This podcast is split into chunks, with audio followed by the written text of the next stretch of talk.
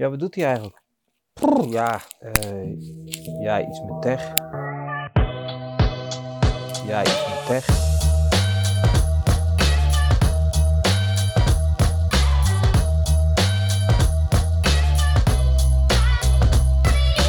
Bijna alles om ons heen heeft wel iets met tech. Alles piept, beweegt of stuurt een bericht. Dim en Ruud volgen en bespreken de zin en onzin in Iets met Tech.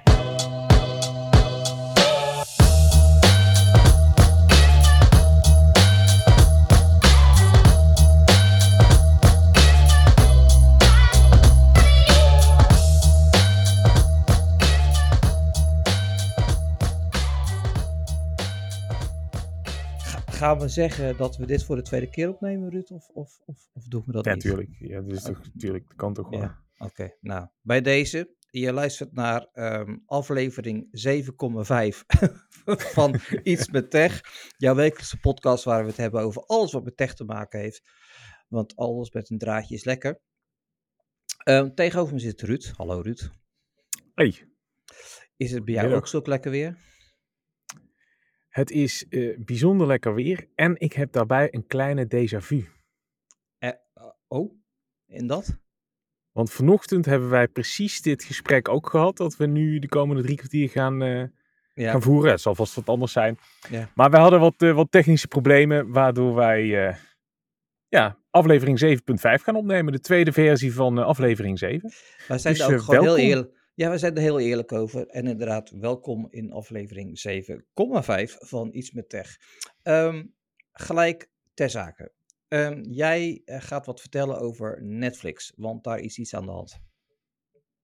Ja, Netflix eh, heeft de laatste tijd, eh, zijn ze wat vaker in het nieuws geweest, dat ze hun abonnementen aangepast hebben. Initieel deden ze dat door het delen van abonnementen aan banden te leggen. waarbij het mogelijk werd om voor volgens mij 4 euro per maand een extra huishouden toe te voegen. Of een extra persoon aan jouw huishouden toe te voegen. Waardoor je dus meer streams tegelijkertijd kon afspelen. Dus echt het account delen, dat, eh, ja, dat mag niet meer. Nee. Ehm, het, het werkt bij mij wel nog, maar laten we dat niet te hard eh, zeggen. Maar ze gaan weer dingen veranderen. Eh, er zijn in Nederland drie abonnementen, maar Netflix heeft eigenlijk vier abonnementen. Dat is een, of een, een abonnement met advertenties. Dat is niet in Nederland. Het basic, het standaard en het premium abonnement. En dat model met advertenties, waar je een x aantal minuten per uur advertenties ziet, doet het best wel goed in het buitenland. En daardoor hebben ze besloten om het abonnement met alleen, of eh, het basic abonnement gaan ze schrappen. Dus dat is het goedkoopste abonnement. Kun je maar met één stream tegelijk kijken. Dus de beeldkwaliteit ook wat minder. Dat gaan ze er tussenuit knippen. En ik verwacht dan ook dat zodra dat in Nederland gaat gebeuren, dat dan ook het, eh, advertentieabonnement geïntroduceerd gaat worden. Dus op die manier wil Netflix ja, toch wat meer gaan sturen in hun abonnementen. En ze gaan, eh, het doel is ongetwijfeld om daar toch net wat meer eurotjes of dollars aan, eh, aan over te houden.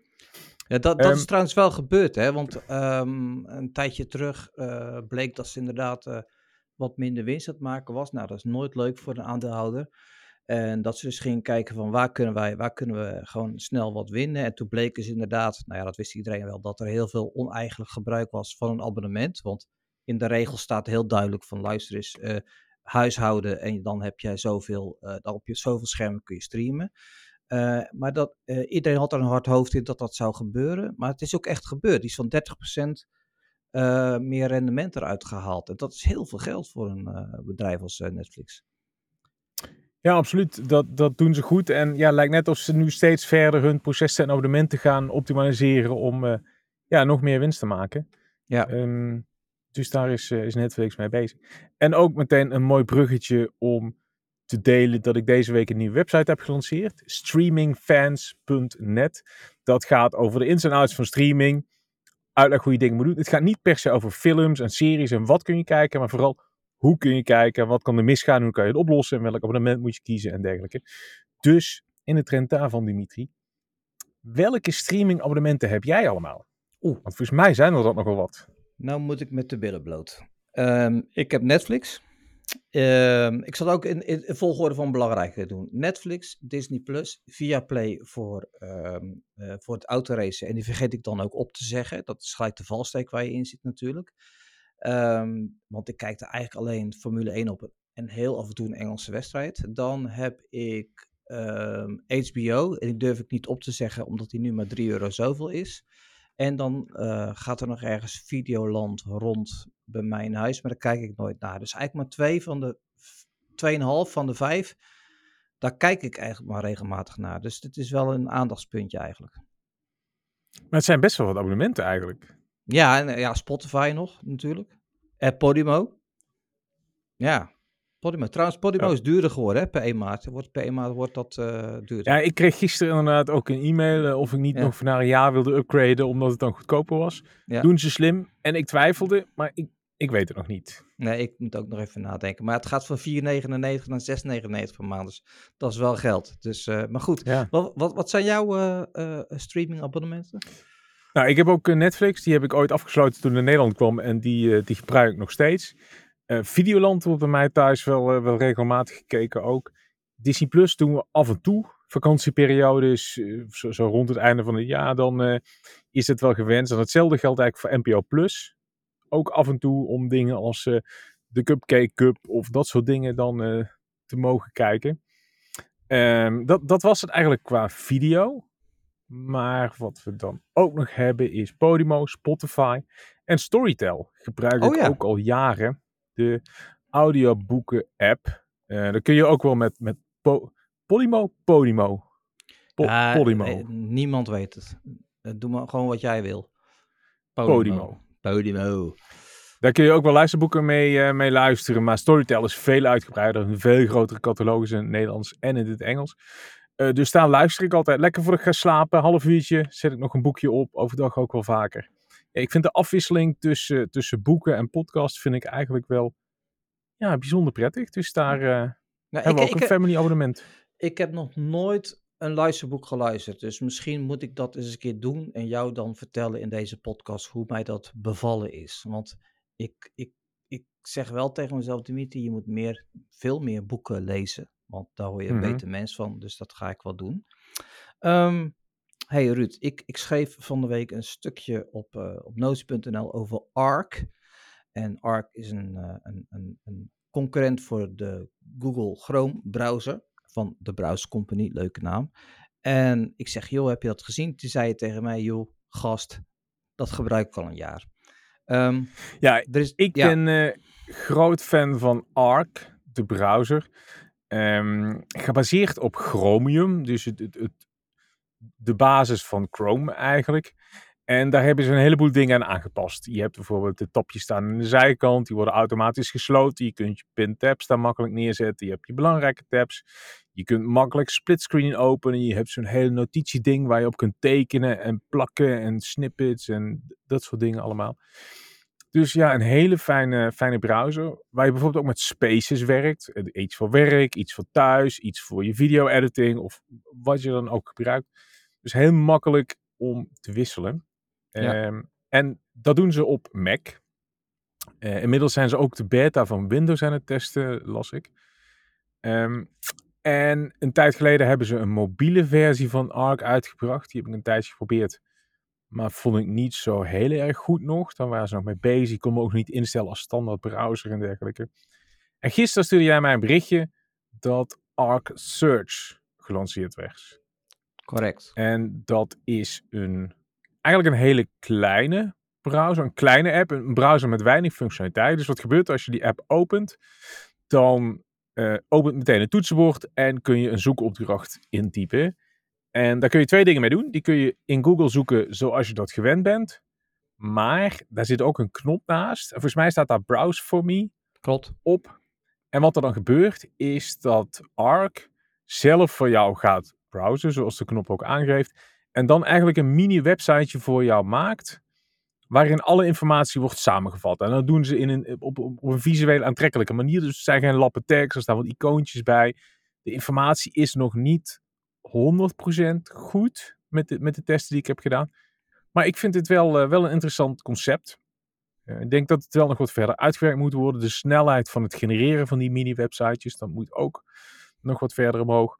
Maar ik, ik vind het openen, zoeken en informatie krijgen, de combinatie, daar, daar- ja, vind ik wel, interessant om in de gaten te houden. Dus hij staat ook nog Ja. op mijn telefoon, hij staat nog op mijn homescreen. Dus daar, ehm, ik blijf hem volgen.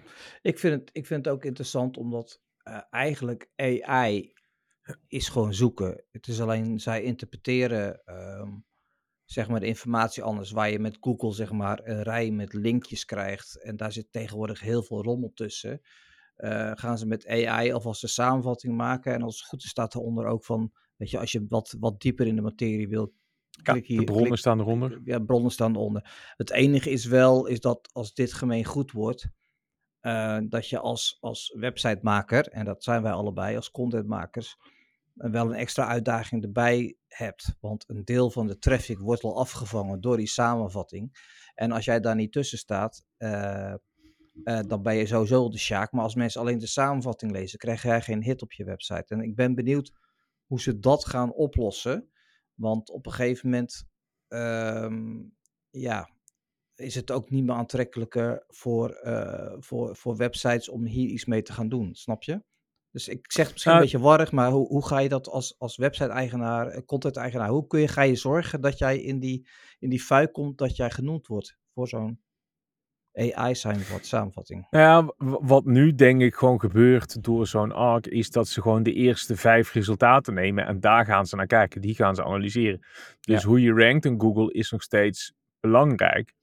Maar ik heb het idee dat heel veel bedrijven er nog niet helemaal achter zijn hoe ze dit gaan vormgeven om het ook gebruiksvriendelijk te maken. Ehm, waarbij ze de zoekers tevreden houden, maar ook de website-eigenaren. En dat is Ja. natuurlijk wel, een- wel een grote uitdaging. Je hebt, je hebt ook die nieuwe Google Search Experience, waarbij het antwoord eigenlijk een soort van real-time gegenereerd wordt boven de zoekresultaten. Ja. Ehm, dat kun je in Amerika kun je dat gebruiken. Officieel is dat nog niet in, eh, in Europa. Maar dat zou vorig jaar zou dat groot uitgerold gaan worden. Maar het zit nog steeds in Google Labs. Dus het is nog steeds een soort van beta-versie. Omdat ze er volgens mij nog niet helemaal uit zijn hoe dat nu beide kanten op gaat werken. Waarbij ze zelf ook nog genoeg advertentieruimte hebben om hun geld te verdienen. Ja. Dus er zijn zoveel belangrijke factoren eigenlijk die nog niet helemaal uitgekristalliseerd zijn. Waar we dit jaar denk ik veel meer van gaan horen. Maar Ik, ik denk wat je nu aanhaalt wel een, een, een- belangrijk ding is, nu we het er toch over hebben, is dat ehm, de introductie van ChatGPT is het onwijs hard gegaan voor de AI. eh, zijn we allemaal omvergeblazen door wat het kan. Maar als we beter gaan kijken, blijkt het alsnog wel een beetje tegen te vallen. Als jij bijvoorbeeld zegt van geef mij de vijf beste eh, koffiekopjes. eh, dat jij de eerste twee resultaten wel heel goed zijn, maar de resultaten drie tot met vijf eigenlijk van affiliate websites en verzamelwebsites afkomen waar je niet bijvoorbeeld een goede verhandeling krijgt over van waarom moet je dit kopje kopen en waarom is het zo'n goed kopje. En je bent op zoek naar die kwaliteit. Dus, dus daar, en, en, en wat ik vaak ook zie, want ik gebruik dan Copilot van Microsoft vaak op mijn telefoon, omdat het een mooie app is. Ja, is dat het toch eigenlijk gewoon een Google zoek, zoekopdracht is maar dan een beetje in een mooi verhaaltje gegooid. En dat ik denk bij mezelf, ja, wat, wat is nou eigenlijk het verschil? Ja, het is natuurlijk ook wel een beetje het, het kip en het ei verhaal. Want AI maakt het mogelijkheid om antwoorden te genereren. Vaak op basis van een internetzoekopdracht. Maar AI maakt het daarbij ook mogelijk om heel makkelijk content te genereren. Om op internet te plaatsen die weer in die zoekopdracht terechtkomt. Ja. Dus uiteindelijk gaat de AI zijn, zijn eigen teksten gaat die samenvatten. Of daar gaat hij dingetjes mee doen. Dus het is ook weer een taak aan de zoekmachines om een hele hoop lage kwaliteit spam AI content eruit te filteren. En die niet mee te nemen in hun vooralsnog zogenaamd kwalitatieve AI-antwoorden. Ja, ja ik, ben, ik ben heel erg benieuwd hoe dit zich gaat ontwikkelen. En, en eigenlijk ehm, denk ik dat er eh, toch nog veel meer kansen zijn voor authentieke, echte content. En wat echt, ik bedoel, alles is echt, maar niet AI-content, omdat mensen toch nog wel blijven zoeken naar van oké, dit is echt gemaakt voor mij in plaats van gemaakt voor iedereen door AI. Ehm, eh, maar goed, eh, anyhow, ik ben dan wel benieuwd naar wa- waar het eindigt. We, zijn nog maar, we staan nog maar aan het begin, Ruud. Het is nog maar net eigenlijk. Absoluut. Ja. Absoluut. Ehm, maar erg ja. leuk om over na te denken en, eh, Ja. ja, en te filosoferen. precies. Hey Dimitri, jij hebt deze week ook ehm, iets getest. Wat eigenlijk helemaal niet zo slim is. Deze bedoel je? Ah, daar is die. Daar is die. Ja, nou, dit, dit, dit eh, voor de mensen die de video kijken, ik, ik hou hem in beeld. Hij, hij past geen eens op het beeld, zo, zo wel. Ik Het is heb in een mijn hand, eh, g- goed apparaat. ja, het is, ik heb in mijn hand de Stanley Cup, die is gemaakt van staal. Ehm, Stanley is een, een bedrijf wat gereedschap maakt, maar ook eh thermoskannen al al meer dan 100 jaar. En die zijn opeens super hip en happening in de wereld. Eh, alle, als je TikTok zit, eh, en daar zit ik nog alles, dan kom je hem heel vaak tegen. Het is een, eh, even voor de audioluisteraars, het is een hele grote drinkbeker gemaakt van metaal. Met een, een, een deksel erop, met een rietje. Je kan hem ook helemaal dichtmaken. En daar drink je uit. Ehm, hij is belachelijk groot. Hij is 1,2 liter bijna. En zwaar. Zoals je hoort, hij is gemaakt van eh, metaal. Alleen in Amerika is dit rage. Eh, bij Target vliegen ze de winkel uit. Ze brengen nu heel veel limited edition uit. Super slim natuurlijk. Ehm, eh, in glans, in andere kleuren. En er zijn mensen die hem weer, zeg maar, customizen. Daar weer heel veel geld mee verdienen. Ja, en ik, ik, volg dat zo'n beetje. En ik denk, ja, ik, ik vind, kijk, ik vind het interessant van waarom.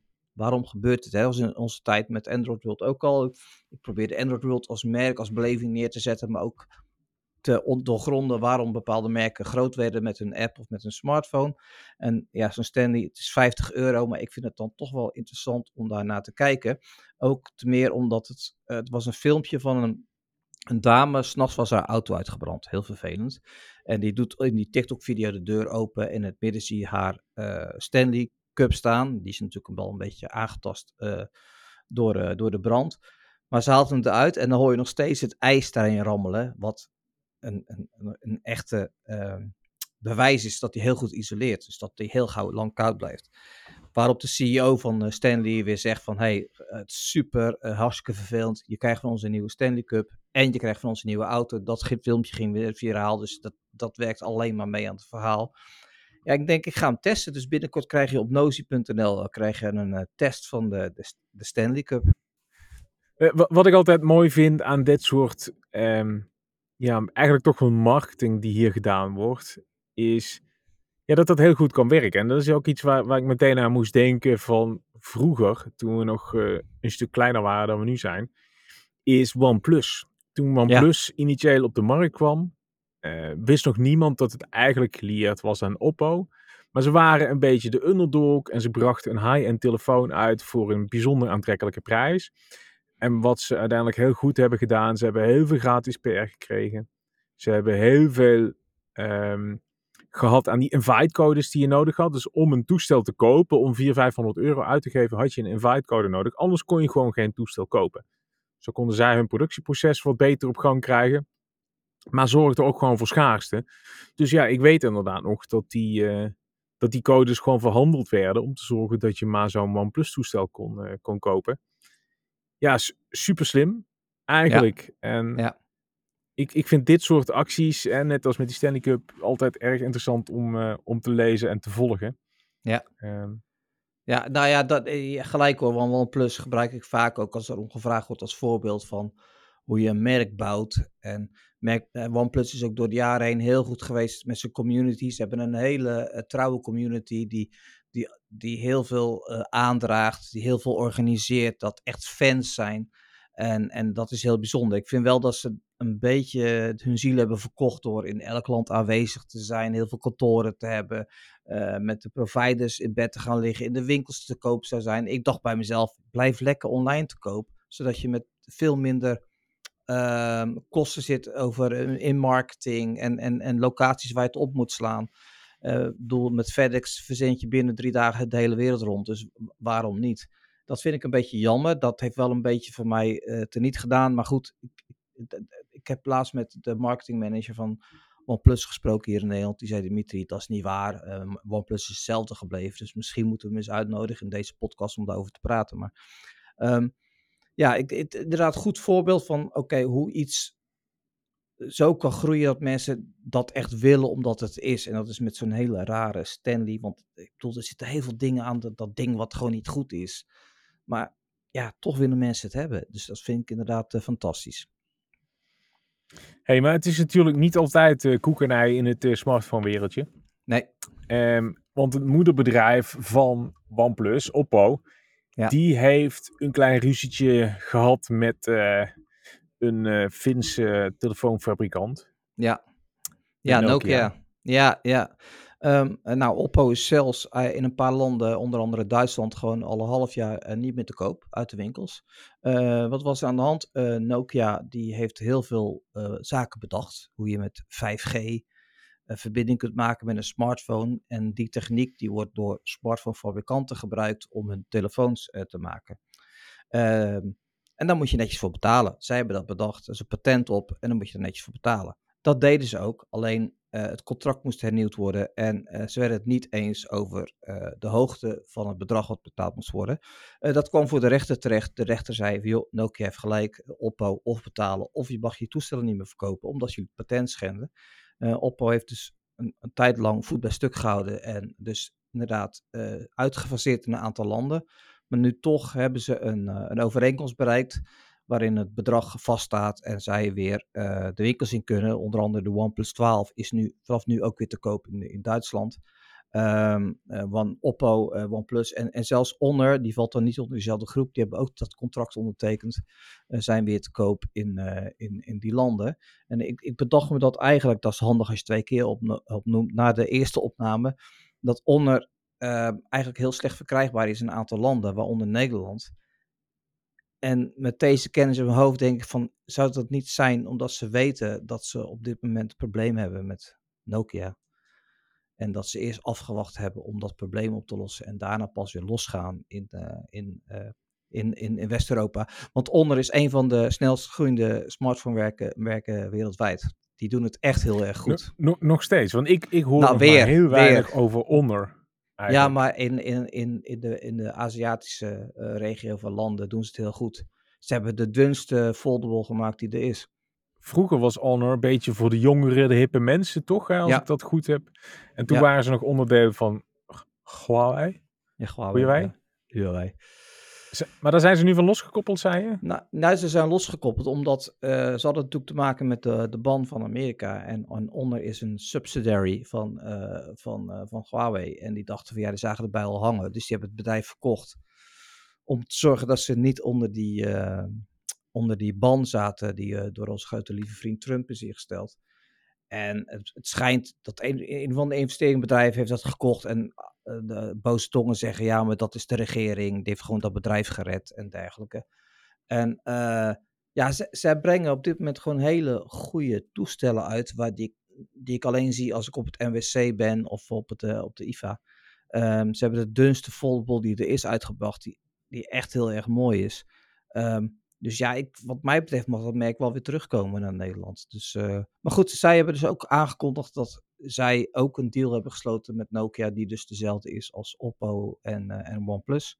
En dat zij, eh, ja, en of dat daadwerkelijk effect heeft op de verkrijgbaarheid in, in landen als, als Nederland, dat, dat weet ik niet. Maar dat is eventjes een, wat ik me nu zo bedenk. Nou ja, we gaan eh, de komende tijd eh Honor in de gaten houden. Jij zit eh, nog steeds wel af en toe dicht bij het vuur, dus we gaan daar nog Ja, meer over horen. zeker. Het is natuurlijk zo dat er- er vaker politieke spelletjes gespeeld worden. Onder andere door Apple met de EU. Of eigenlijk in dit geval andersom. EU met Apple. Mhm. waarbij ze de Apple verplicht hebben om gebruikers de mogelijkheid te geven om apps te downloaden van andere app stores dan de officiële app store. Dat is iets dat Android natuurlijk al vanaf dag 1 heeft. Daar kon je APK's installeren of andere app stores gebruiken. Ja. Nu moet Apple dat ook gaan doen. En daar hebben ze vanuit hun kant weer een heel nieuw contract voor gemaakt. Of een heel nieuwe overeenkomst gemaakt die developers moeten ondertekenen om überhaupt verder te kunnen. Dus er zijn een aantal dingen veranderd. Eén is dat de commissie die Apple krijgt op de verkopen omlaag gaat. Dat was eerst 30% voor de grote, 15% voor de kleinere ontwikkelaars. Dat gaat naar 10% en 17%. Maar wat ook wel interessant is, is dat ze ontwikkelaars die meer dan een miljoen downloads hebben, gaan ze verplichten, betaalde downloads hebben, om 50 cent per jaar per gebruiker ook af te rekenen aan Apple. Dus die moeten dus minstens een half miljoen overmaken aan Apple elk jaar om gebruik te kunnen maken van het distributieplatform van Apple. Ja. En partijen als, als Spotify zijn hier bijvoorbeeld wel weer heel blij mee. Eén, dus ze zijn natuurlijk hartstikke groot en ze zijn vaak in het nieuws geweest dat ze geblokkeerd hebben dat ze niet via Apple moesten verkopen, want ze vonden die 30% afdracht veel te groot. Dus wat zij eigenlijk wilden is dat ze gewoon mensen op een linkje konden klikken, naar hun website gingen en daar een abonnement afsluiten. En dat wordt nu dus ook mogelijk voor bedrijven als Spotify. Daar vraagt Apple wel nog 3% commissie voor. Een stuk minder natuurlijk dan die 30% die ze zouden betalen. Maar dat, uh, dat zijn de dingen die gaan veranderen en dat gaat plaatsvinden in maart. Uh, op het moment dat de EU ook uh, heeft geëist dat dit gelanceerd wordt. En dat gaat gepaard met de nieuwe update iOS 17.4. Ja, ja het, het, weet je wat het is? Het is, het, kijk, um, Google had het ook. Hè. Google uh, met Google kon je inderdaad wel sideloaden, maar je moest wel betalen via het Google Pay uh, systeem. Uh, de percentages waren iets lager en Google heeft wat eerder zeg maar, de handdoek in de ring gegooid om met grote partijen wat andere deeltjes te maken. Um, maar um, um, Spotify is nog niet blij natuurlijk, want de marges bij Spotify zijn heel laag. En als je dan ook nog eens een keer een, een heel groot bedrag, uh, wat dan meer dan een miljoen zal zijn, want ze hebben miljoenen gebruikers natuurlijk, aan, aan Apple moet gaan uh, betalen vanwege dit feit. Ja, ik weet niet, ik weet niet uh, of ze daar zo blij mee zijn. En ik weet ook niet of de maatregel van de EU het gewenste effect, um, wel het effect van oké, je mag geen monopolie uh, en mensen beperken. Uh, dat doen ze niet, maar uh, om dan toch wel actief te... Kijk, het is ook geen keuze om tegen Spotify te zeggen, ja, dan gaan we helemaal uit de, uit de Apple Store. Dat kan niet, want je wil natuurlijk wel aanwezig blijven in het uh, Apple-ecosysteem. Dus uh, ik vind, nou goed, Apple komt op voor zijn eigen, hoe noem je dat? Zijn eigen... Merk? Ach, nee. merk, ja. En, en daar haalt het, haalt het geld uit. Um, uh, er is nog een, een, een, klein dingetje wat de EU eh, heeft verpest voor ons, of, of juist niet. Ik denk dat het laatste is. Uh, Amazon die maakte vorig jaar bekend dat ze iRobot wilde overnemen, de fabrikant van de robotstofzuigers. Jij, jij hebt er ook een, denk ik. De Roomba's. Nee, ik heb, ja. ik heb gewoon een ouderwetse Dyson. Ouderwetse Dyson. Um, zij wilde die fabrikant overnemen en natuurlijk dat inlijven. Uh, alleen de EU heeft gezegd van nou, eh, wij denken niet dat we daarvoor zijn. Want waarom? Um, als een winkel, online winkel, uh, een, een, dergelijk merk heeft, kan hij natuurlijk on, oneerlijk concurreren met andere producten die daarin staan. Bijvoorbeeld Dreamy of die van Eufy. Omdat, zij, omdat ze eigenaar zijn van het merk, natuurlijk uh, ongenadig veel met de prijs kunnen doen. A. En B. Omdat ze het platform in handen hebben, uh, de, de, hun eigen producten een betere plek geven. Uh, Google heeft daar namelijk ook wel eens een, een, een, kleine boete voor gehad. En dat is natuurlijk oneerlijke concurrentie. En de EU zegt, ja, als je dergelijk groot bent als Amazon, mag dat gewoon niet. En gaan wij gewoon zeggen, dat willen we niet hebben. En vooruitlopend op die beslissing heeft Amazon gezegd van ja, ehm, ja laat dan ook maar doen ook. En die hebben die deal afgeblazen. Dat kostte ze trouwens wel iets van, jij wist het, uh, ne 90 ja, miljoen. 90 miljoen, ja. Ja, ja het is net als eh, met een huis dat je dan niet koopt, moet je ook een boete betalen. En dan moeten zij ook doen. Ja, voor hun is het niet zo'n probleem, die 90 miljoen. Um, maar goed, uh, de EU heeft al eerder deals afgeblazen tussen Adobe en Figma bijvoorbeeld. Dat vonden ze ook niet goed. Um, ja, ik, ik, uh, onderaan de streep denk ik aan de ene kant, waar bemoei je mee? Aan de andere kant denk ik ook wel, hè, iedereen wil dat de techreuzen niet te groot worden. Dit is de enige manier om te zorgen dat techreuzen niet te groot worden.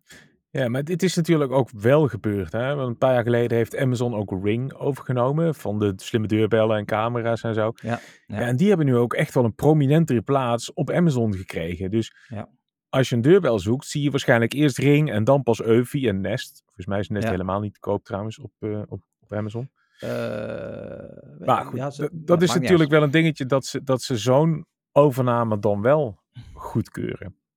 Maar je ziet ook wel wat Amazon daarmee doet. En ik geloof ook echt dat ze daar, het is nog steeds een populair merk, ze zijn gegroeid, ze hebben hun app de laatste jaren flink verbeterd. Ja. Dus dat Amazon daar echt wel een groot voordeel aan heeft. Ja. Dus ik, snap vanuit Amazon absoluut dat ze dit, uh, dat ze dit willen doen. Het, het, is bedrijfsmatig en ik probeer altijd dat van een eindje te beschouwen. Is het heel erg. Uh, je, je zoekt altijd naar middelen om te groeien en, en te groeien in omzet. En dit is een van die zaken. Als je een product heel veel verkoopt, kun je het beter maar zelf hebben, als dat je er wel een kleine marge aan verdient. Uh, alleen ja, het, het, het, is ook heel logisch dat je je eigen product voorrang gaat geven. En het is ook heel logisch dat je dat doet, want jij bent de eigenaar van het platform en jij bent de eigenaar van het merk. Alleen in de hedendaagse wereld zeggen we, joh, Amazon, jij bent zo groot dat jij een hele natie je wil op kan leggen. En daar willen we de consumenten, de inwoners van de EU tegen beschermen. En ik denk dat dat inderdaad, zoals jij zegt, een goed ding is. Ja, en Amazon doet dat natuurlijk niet alleen maar bij, bij de grote merken. Dat komt wel in het nieuws. Maar wat ze ook doen, je hebt heel veel mensen die, die hun producten verkopen op, op Amazon. Uh, FBA, veel bij Amazon. Dus dat, die kopen dan of die laten een product maken in China of die kopen een kant-en-klaar product en dat, dat verkopen ze dan zelf op het platform. En als Amazon dan aan hun eigen data ziet dat een bepaald product succesvol is, en dat hebben ze zelf niet, dan gaan ze dat ook gewoon laten maken. Ja. En dan gaan ze zelf verkopen en die krijgt dan weer een plaatje hoger. Waardoor je eigenlijk die merken die misschien wel geïnnoveerd hebben daarin, ja, die krijgen dan weer een plekje lager, minder verkopen met alle gevolgen van die. Dus ja, ze hebben wel echt de macht. En het is precies, zij kunnen hele landen bepaalde producten nou, opdringen is misschien niet het goede woord, maar wel zo vaak laten zien dat het gewoon populair wordt. Dus ja, eigenlijk is het wel goed dat daar tot op een bepaald niveau over gewaakt wordt dat dat niet te vaak gaat gebeuren. Nee, ik, ik nogmaals, ik kan het uh, bedrijfsmatig uh, kan ik het voorstellen. Alleen in de grote plaatje is het gewoon, ja, is het gewoon niet wenselijk. En, en is het goed dat de EU hierop let, denk ik. Toch? Mee Punt. Ja. Um, ja, nog een grote partij. TikTok. Um, die maakt natuurlijk, die laat jouw filmpjes zien en daar moet wat heel erg om lachen. Uh, die test de laatste tijd ook van hoe kunnen we meer geld verdienen. Nou, door bijvoorbeeld een shopping experience in te bouwen. Dus je hebt nu ook TikTok shopping, geloof ik nog niet in, eh, in, in Nederland, maar in Amerika kunnen dus influencers via hun TikTok producten verkopen. En daar pakken ze natuurlijk weer marge mee. Schijnt erg succesvol te zijn. Um, maar zij, zij willen verder. en wat zij dus nu testen is een, een tool die op filmpjes uh, objecten herkent. Uh, bijvoorbeeld, wij plaatsen dit filmpje dus ook op TikTok. En er zitten mensen naar jou te kijken en die zeggen: Zo, dat is een kekke hoofdtelefoon. Um, en de, de, de, tool van TikTok die herkent die hoofdtelefoon en onder het filmpje zegt hij: Wil je dit product kopen? Klik hier of weer een gelijkwaardig product kopen, klik hier. Dus ze herkennen het product op het filmpje. Hey, die zeggen, oh, dit is een headphone van Apple waarschijnlijk. Uh, en die kun je dus hier kopen, waardoor ze eh, als een soort affiliate mensen naar een, uh, naar een TikTok of andere winkel leiden. Um, dat zijn ze nu aan het testen. Werkt nog niet helemaal goed, want de aanbevelingen zijn altijd nog niet correct, omdat de herkenning van het product niet hetzelfde is. Uh, maar ik denk wel een interessante ontwikkeling. Ja, absoluut. Ik, ik, denk vooral dat het heel relevant is voor de kijkers, want ze kijken iets waar ze waarschijnlijk interesse hebben. Um, alleen, het moet technisch natuurlijk wel heel goed werken. Hè? Want als er nu een uh, microfoon in beeld is en ze adviseren je om een pak luiers te kopen, dan matcht dat natuurlijk niet helemaal. Dus je moet wel echt voor je techniek staan en dat moet wel echt goed werken, die beeldherkenning. Ja. Om dat succesvol uit te kunnen rollen. Maar het is eigenlijk een hele logische stap van TikTok om dit te kunnen doen. Ja. En misschien moet, moet er nog een klein tussenstapje bij. Dat nadat een video is geplaatst, dat je aan een creator vraagt. Deze en deze producten hebben we gezien. Klopt dat? Of moet er wat veranderd worden of zo? En, en dat, er dan, dat die er dan bij komt te staan. Dat er nog een soort van manuele tussenstap is. Om te zorgen ook dat er geen gekke producten bij filmpjes komen te staan. Ja, ja dat kan ik me heel goed voorstellen dat dit gaat werken. Ja, dat is een goede wat je zegt. Waar, waar ik dan ook weer benieuwd naar ben krijgt de eigenaar van het filmpje uh, krijgt hij ook een percentage.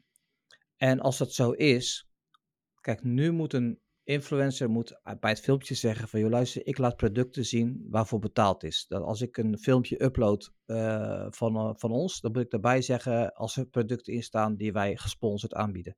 Um, uh, maar je, je, een, een, bedrijf kan zeggen van nou luister eens, zet even dat ding op de achtergrond. Dan krijg je daar wat geld voor, maar dan hoef je dat niet te zeggen, want het is gewoon een ding wat je dan klaarblijkelijk gekocht hebt. Dus die grens tussen gesponsorde content wordt wat, uh, uh, wordt wat waziger. Dus daar ben ik ook wel benieuwd voor. Maar ik ben vooral benieuwd naar het feit of ze ook zeg maar de mensen die het filmpje uh, plaatsen, of die daar ook een percentage krijgen van de verkoop. Maar goed, dat zal de tijd wel leren, denk ik. Hey, vorige week hadden wij een uh, mooie nieuwe categorie geïntroduceerd in, uh, in de podcast. Dat is mm -hmm. de, de tool van de week. Mm -hmm. Vorige keer uh, heb ik deze afgetrapt, dus deze week ben jij aan de beurt om te delen wat jouw tool van de week is. Yes, nou ik wilde, ik heb heel veel tooltjes, maar ik wilde eigenlijk mijn eerste tool, wilde ik een soort OG, wilde ik in het zonnetje zetten. Eentje die jij ook veel gebruikt hebt in de tijd dat wij samenwerken, dat is Trello. Uh, Trello is een, uh, is een, een ja, eigen project-organisatietool. En wij hebben hem heel erg uh, intensief gebruikt op de redactie van Android World. Daar stond dus het nieuws stond in, werden mensen gekoppeld aan een artikel. mensen konden daarna verschuiven naar het vakje. Ik heb het geschreven, controleren en daarna publiceren. Er stonden to-do-lijstjes in. Was heel erg overzichtelijk, heel erg goede, goede tool om, om te gebruiken. En eigenlijk vond ik daar niet zoveel van. En ging ik op zoek naar andere tools die misschien wel mooier waren. Maar door die andere tools te gebruiken heb ik steeds meer waardering gekregen voor Trello. Uh, bijvoorbeeld, ik heb een als Monday, of tooltje Tools Monday gebruikt. Alleen dat is weer heel erg groot. En dan moet je echt iemand opzetten om dat allemaal bij te houden. Dus ik heb extra waardering gekregen voor de, de simpelheid. Dat goed Nederlands woord? Simpelheid van Trello als organisatiesysteem. De, de Kanban-boards, die verticale pilaren waar je alles in kan zetten. Gewoon het eenvoudige visuele heen en weer schuiven. Kaartjes alsof het uh, post-its zijn. Ik vond het echt fantastisch. Ja, en ook, je kunt hem best wel lang gratis gebruiken ook, hè? Ja, eigenlijk altijd. Dus je kunt echt best wel veel borden aanmaken, veel verschillende projecten. Dus um, ik gebruik privé al, heb ik heel lang de gratis versie gebruikt. En geloof ik bij Android World ook. En uh, pas als je de power-ups, dus de extra mogelijkheden, als er meer dan drie power-ups, dan moet je gaan betalen. Uh, uh, maar weet je, dat, dat, en dan valt ook wel mee. Echt, Trello is echt een hele goede tool, zowel voor privé als voor zakelijk. Dus ben je op zoek naar een, uh, een, een, projectassistent, zeg maar, die niet waar de leercurve heel laag is, dan zou ik zeker kiezen voor Trello. Nou, een mooie tip. Ik heb ook alvast een mooie tip voor volgende week, voor de tool van de week. Maar daar moet je nog even op wachten. Die ga je in uh, de volgende uitzending terug horen. En nu we toch bezig zijn met tips. Uh, er is recent ook een Iets met Tech special online gekomen. Samen met Isa Heesbeen. Die ja. heeft een uh, interessant verhaal om te vertellen. Ja, klopt. En daar heb jij, die, jij hebt haar geïnterviewd, Dimitri. Ja, uh, Isa, Heesbeen is een uh, 19-jarige scholier die haar eerst eigen bedrijf is begonnen, Embrace Studio, met daarin een uh, product, de Isa Tabouret. En dat is een kruising tussen een krukje, side table, kunstobject met een verhaal. En dat verhaal is belangrijk, want Isa is namelijk een, is ongeneeslijk ziek. En die heeft een, heeft een soort levenkanker, die maar heel weinig mensen hebben die niet te genezen is. Dus ze weet gewoon niet hoe lang ze nog heeft. haar, haar, haar droom was om een eigen bedrijf te beginnen. Dat wilde ze al van jongs af aan. heeft ze nu kunnen vervullen. En ze heeft daarvoor dat uh, krukje annex, sidetable annex kunstobject gemaakt. En dat zijn vier handen die zeg maar de zitting van de kruk beethouden. En dat is weer een referentie aan de hulp die ze gekregen heeft in het ziekenhuis toen ze daar lag. En toen ze heel erg ziek was. Um, ik heb met haar in deze aflevering natuurlijk heel even gesproken over de aanleiding van dit verhaal. Maar vooral met haar gesproken over hoe breng je nou zoiets van idee naar, uh, naar uh, concept, naar uh, produ productieklaar ontwerp. En, en, dat vond ik heel interessant. Ook interessant om dat met een 19-jarige te doen, die eigenlijk met nul ervaring, maar wel geholpen door professionals, zoals Micha de Bolk en dergelijke, daar komt. Het is ook een heel ander soort gesprek wat je hebt. Nou, ik denk dat het resultaat echt fantastisch is. Dus, dus ben je in de gelegenheid, zou ik hem zeker luisteren. Kijk, dat is een, een hele mooie tip om uh, mee af te sluiten. Wil je nu meer van uh, Iets met Tech zien, dan kun je ons volgen op Instagram, TikTok, Iets met Tech of mailen naar podcast.ietsmettech.nl. En wij zijn er zoals altijd volgende week weer met een nieuwe aflevering. We gaan dan gewoon voor aflevering 8. En ja. uh, we zien je graag uh, dan. Oké okay, jongens, bedankt voor het luisteren. Tot de volgende keer. Later. Bye bye. Iets met Tech wordt gemaakt door Ruud Karis en Dimitri Vleugel. De productie is in handen van Klets.media. Heb je tips of wil je reageren? Ga dan naar Instagram of mail naar podcast.ietsmettech.nl